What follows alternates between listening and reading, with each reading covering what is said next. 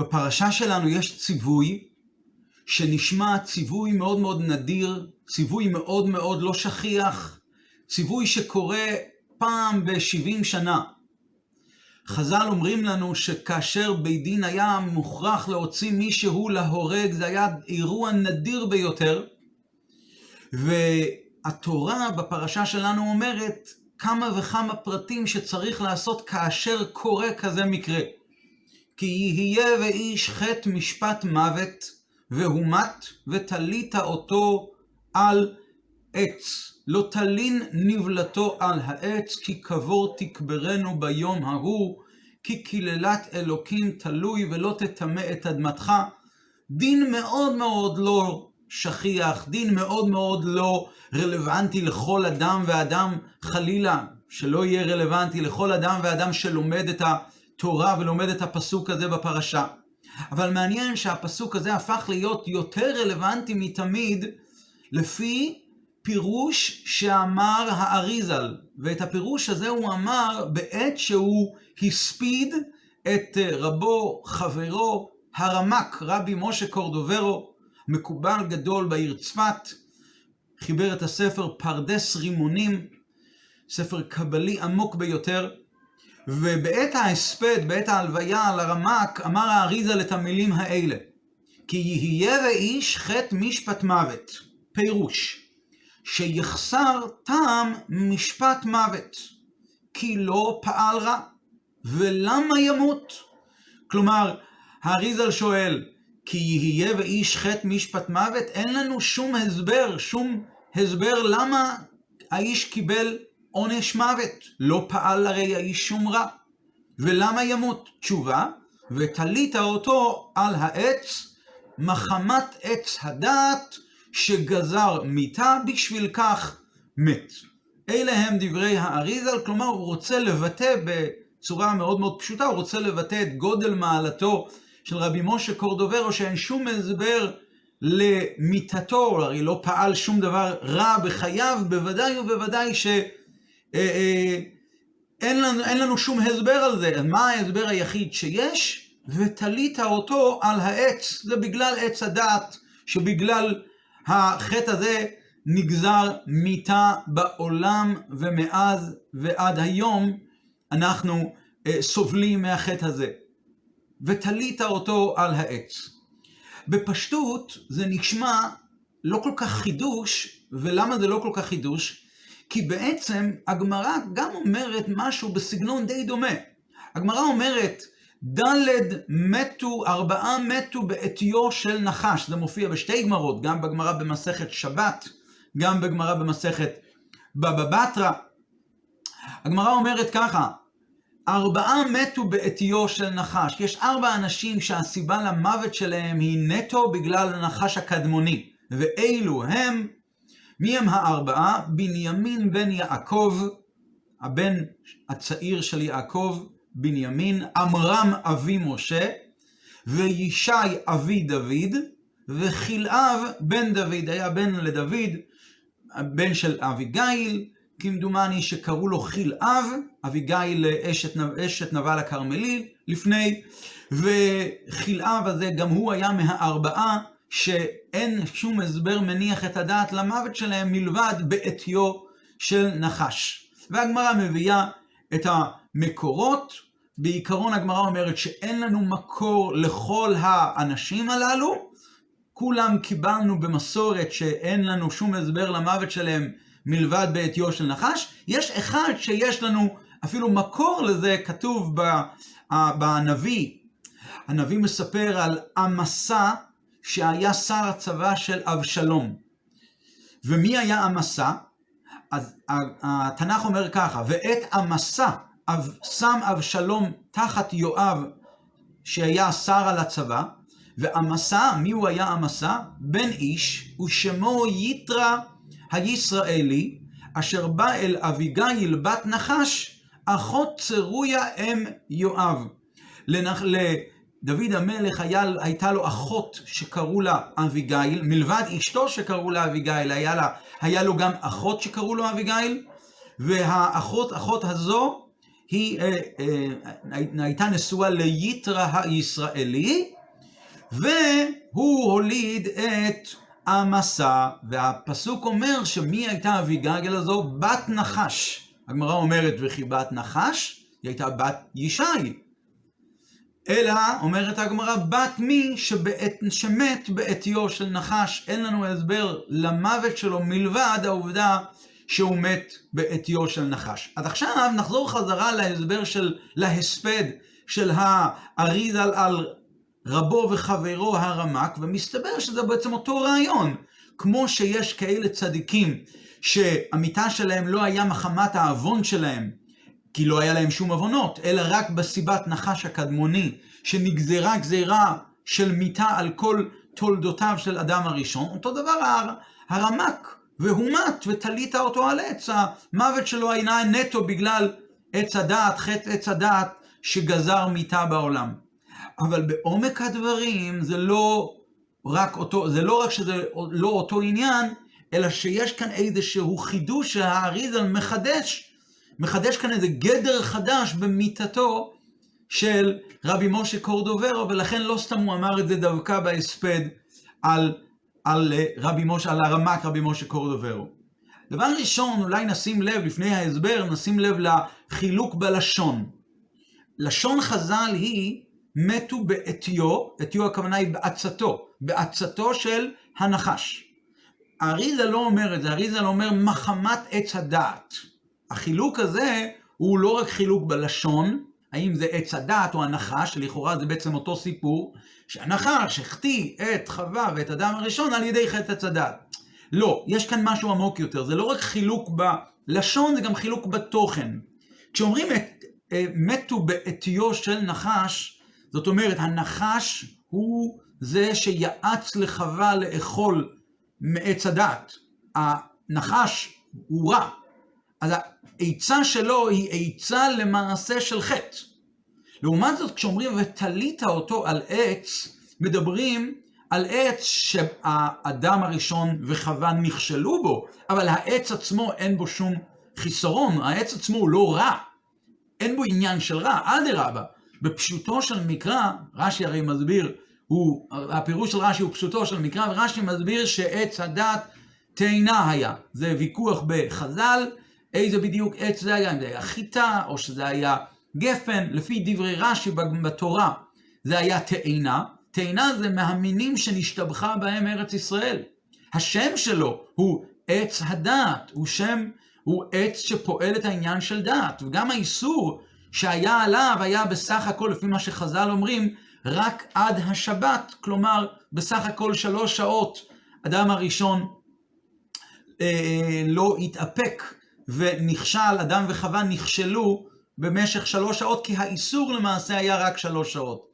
זאת אומרת שהעץ לכשעצמו הוא לא בעייתי, למרות שהתורה אומרת את הביטוי אה, אה, ועץ הדת טוב ורע, הכוונה היא שהעץ הזה הוא פועל בהמשך עניין של רע, אבל הוא לכשעצמו הוא לא רע. אז לפי זה, כשהאריזל, הוא מדבר על, אה, על רבי משה קורדובר והוא אומר, ולמה מת? ואז הוא אומר, מחמת העץ ותלית אותו על עץ, אז הוא מדבר לא על הסיבה הישירה אל, אל, אל העונש, לא הסיבה הישירה שהביאה את עונש המיתה לעולם, אלא את הסיבה שהביאה את הסיבה שהביאה את העונש, אבל לא על החטא עצמו. העץ נתן את האפשרות שאם האדם יאכל ממנו, וזה רק באותן שעות שהוא בבחינת טוב ורע, לא בכל הזמן העץ הזה היה טוב ורע, באותן שעות הוא היה עניין של טוב ורע. אזי יהיה העונש מות תמות כי ביום אוכלך ממנו מות תמות. אבל בעצם העץ, העץ לכשעצמו הוא לא רע. השפתי כהן אומר שאחת הסיבות למצווה של עורלה, שצריך להקפיד על שלוש שנים בטרם נאכל מהפרי של העץ, אז הוא אומר שאחת הסיבות היא בגלל שאדם הראשון, אה, הקדוש ברוך הוא אמר לו לא לאכול מעץ הדעת, וזה בעץ הדעת טוב ורע, בעת שהוא טוב ורע, שזה היה במשך שלוש שעות. ועל זה אומרים לאדם הראשון, מי יגלה עפר מבין עיניך אדם הראשון, כתוב את זה בעצם גם במדרש, שמי יגלה עפר מבין עיניך אדם הראשון, שראה את בניך שהם ממתינים לפרי במשך שלוש שנים, ואתה לא הצלחת להתאפק במשך שלוש שעות. אז בכל אופן, רק במשך אותם שלוש שעות, העץ הזה היה בו גם עניין של טוב וגם עניין של רע, אבל בעצם, בגדול, העץ הזה לכשעצמו היה בסדר. הוא היה דווקא אילן חשוב, הוא היה אילן, אילן מיוחד.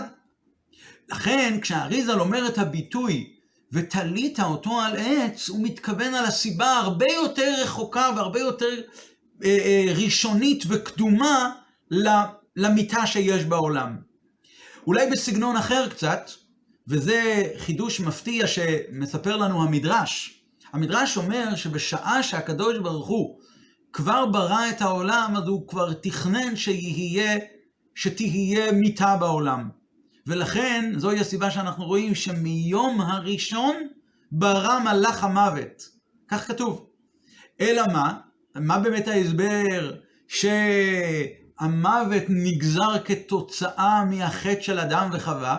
על זה אומר דוד המלך בתהילים, נורא עלילה על בני אדם. הקדוש ברוך הוא בא בסוג של עלילה, שהגזירה של המיטה בפועל תבוא, איך שהיא תבוא בפועל זה יהיה על ידי האדם, ולכן הוא העמיד את הבן אדם, את האדם הראשון עם הניסיון הזה של עץ הדת, ואז הגזירה באמת באה אל הפועל ובאמת נגזרה מיתה בעולם, אבל בעצם זה כבר היה במחשבה הקדומה של הקדוש ברוך הוא שזה יהיה.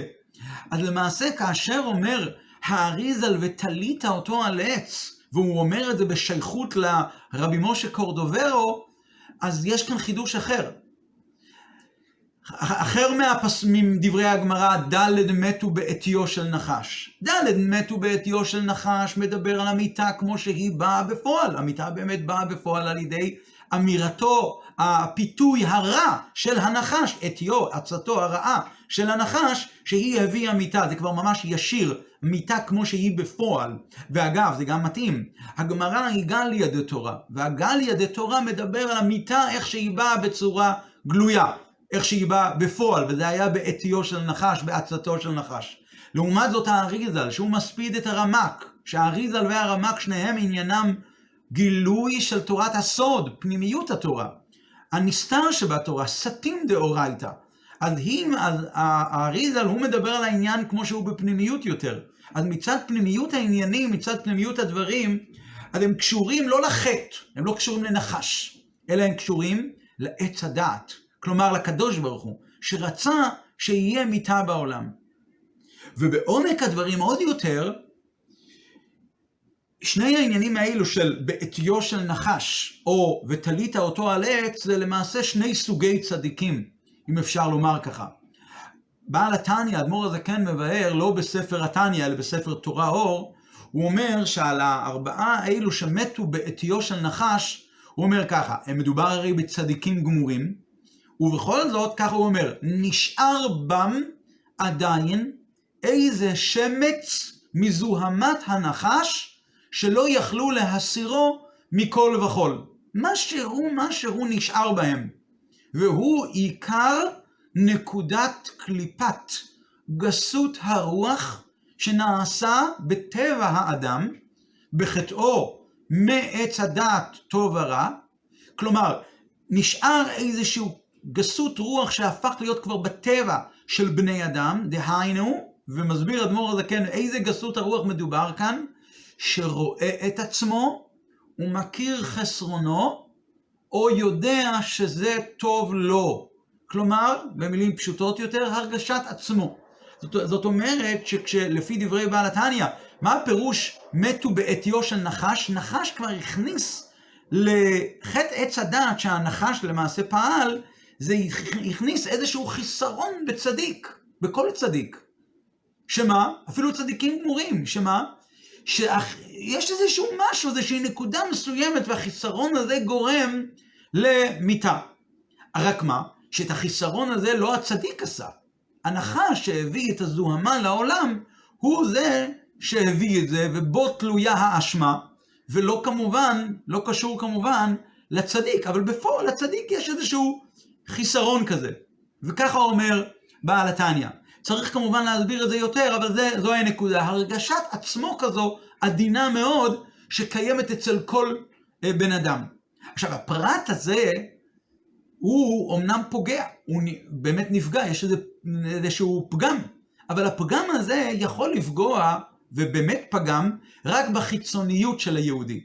אבל הפנימיות של היהודי היא לא נפגמה לעולם, היא נשארת תמיד בשלימותה, כמו אה, שאדמו"ר הזקן אומר, בעל התניא אומר באמת בספרו בעל התניא, ספר התניא, הוא כותב, גם בשעת החטא תמיד הייתה באומנה איתו. הנקודת היהדות שקיימת בכל יהודי היחידה שבנפש, היא היא זו שעדיין תמיד באומנה איתו יתברך, תמיד קשורה אל בורא עולם, והיא מלכתחילה למעלה מכל המושג הזה של חטא ועוון.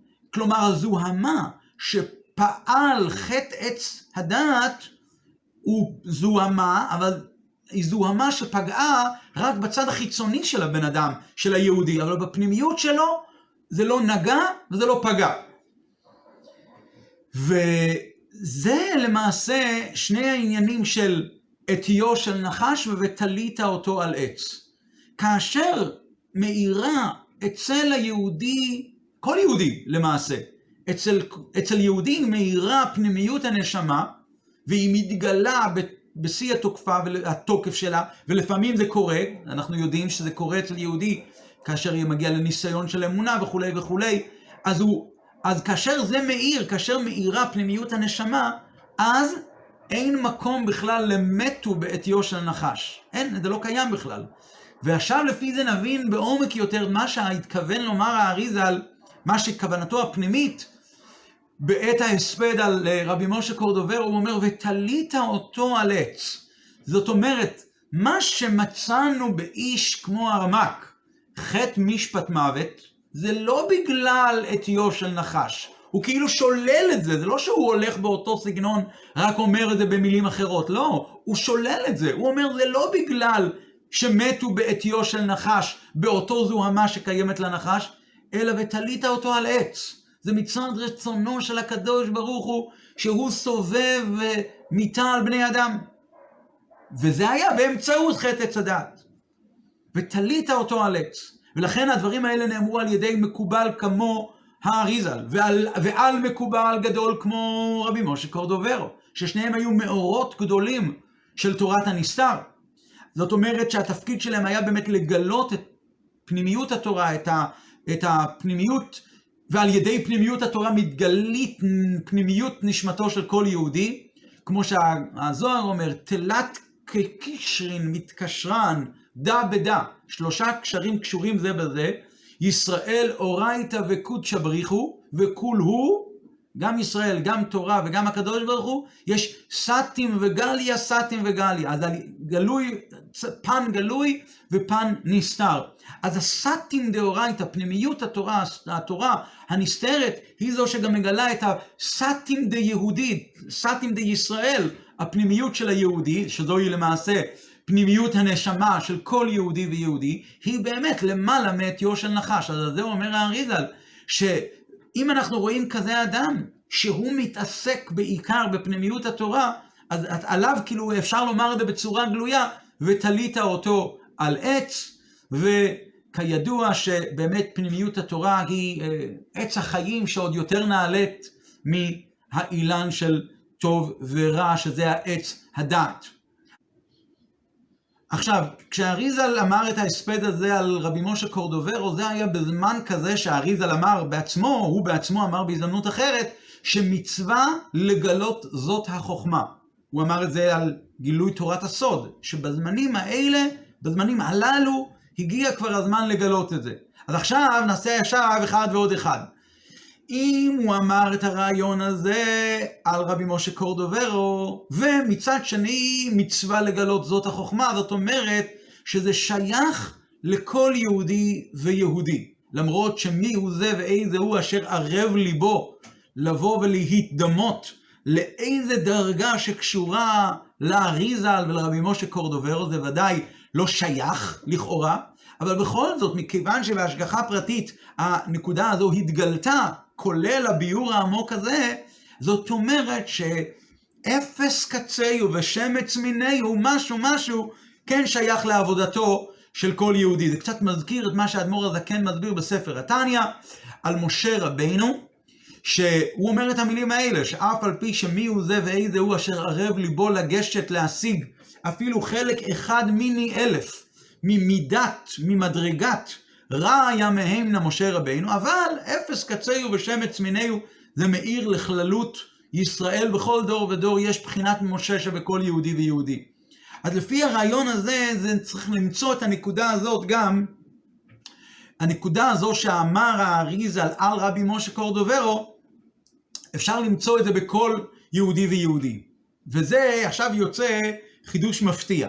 מתו בעטיו של נחש, למדנו בהתחלה שמדובר באנשים שהם בעלי דרגה גבוהה, שאין שום הסבר למוות שלהם מלבד בעטיו של נחש, נחש הקדמוני. אבל זה בעצם דרגה מאוד מאוד גבוהה, אין שום חטא, אין שום חיסרון, אבל נשתייר איזושהי זוהמה, איזושהי זוהמה מזוהמת הנחש שהכניס בחווה ובצאצאי אדם הראשון, אה, מכאן ואילך, וזהו זה, נקודה כזו זוהמה שאי אפשר להסיר אותה. עכשיו, זה באמת דרגה של רק יחידי סגולה, ולכן רק ארבעה מתו בעטיו של נחש. כאלה אנשים ש... שגם בחיצוניות, במקום שהעבורות שלהם כן פוגמות, לא היה להם, בחיצוניות שלהם, לא היה להם שום פגם, מלבד אותו פגם שהיה בעטיו של נחש. אבל הדרגה הגבוהה יותר, ותלית אותו על עץ, היא דווקא כן שייכת לכל יהודי ויהודי. אז מתברר שאדרבה. זה ש... או מסתכלים על הפנימיות, כאשר מסתכלים על הפנימיות של כל יהודי, אז הרי הפנימיות היא נקייה. הפנימיות היא נקייה מכל חטא ועוון, ובאיזה מצב שלא יימצא חלילה היהודי, עדיין הנקודה הפנימית שלו, עצם הנשמה שלו היא בטהרתה. רק מה? בצדיקים גבוהים, צדיקים גדולים כמו האריזל וכמו רבי משה קורדוברו, אז הדרגה הזו הייתה העיקר שבנשמה שלהם, הרובד הגלוי של הנשמה שלהם, זה היה כביכול עיקר נשמתם.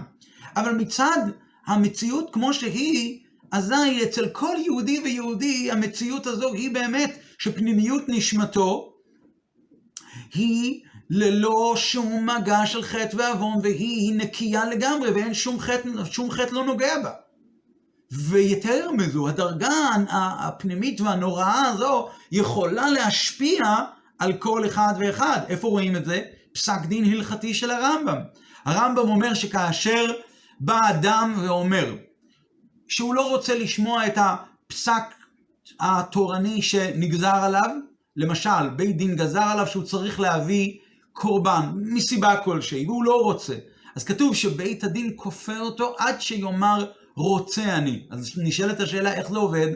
מסביר הרמב"ם שזה רצונו האמיתי, רצונו הפנימי הוא שהוא כן רוצה לעשות את מה שהוא נצטווה.